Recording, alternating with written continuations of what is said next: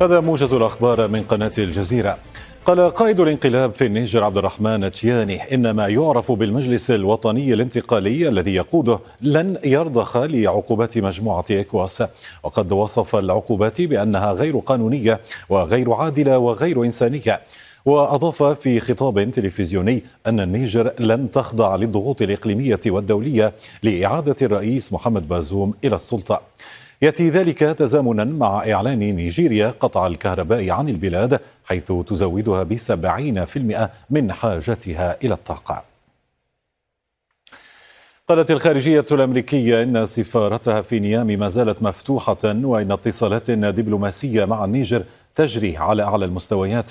وقد نقلت رويترز عن مسؤول أمريكي قوله إن واشنطن تخطط لإجلاء الموظفين غير الأساسيين من سفارتها في النيجر.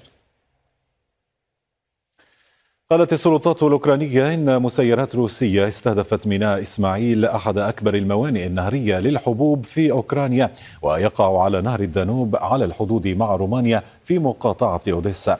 وفي رد فعله على الهجوم قال الرئيس الأوكراني إن روسيا تريد انهيار أسواق الغذاء والإمدادات وإن على العالم أن يرد على ذلك.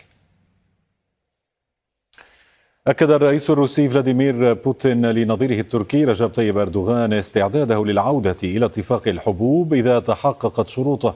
وفي مقابلة مع الجزيرة قال مسعود حق جشين عضو مجلس الأمن والسياسات الخارجية التابع للرئاسة التركية إن المحادثات بين الرئيسين تأتي في وقت تتصاعد فيه المخاوف من مواجهة عسكرية في البحر الأسود بين روسيا وأوكرانيا.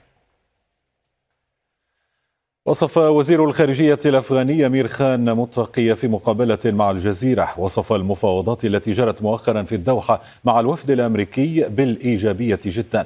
وأضاف أنه تم التأكيد خلال المفاوضات على ضرورة احترام واشنطن لسيادة أفغانستان مشددا على أن بلاده لن تسمح باستخدام أراضيها ضد الآخرين.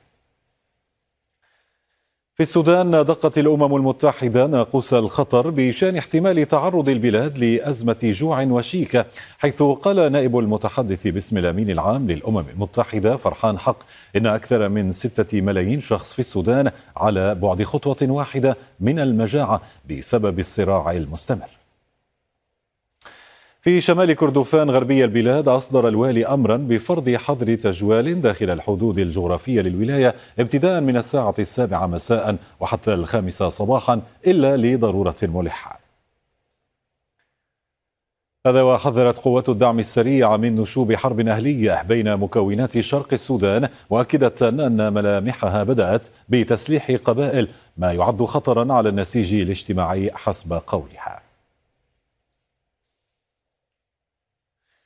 قال الناطق الرسمي باسم الجيش السوداني إن الحديث عن هدنة مزعومة غير صحيح وأضاف أن وفد التفاوض لا يزال في السودان وأن التفاوض متوقف.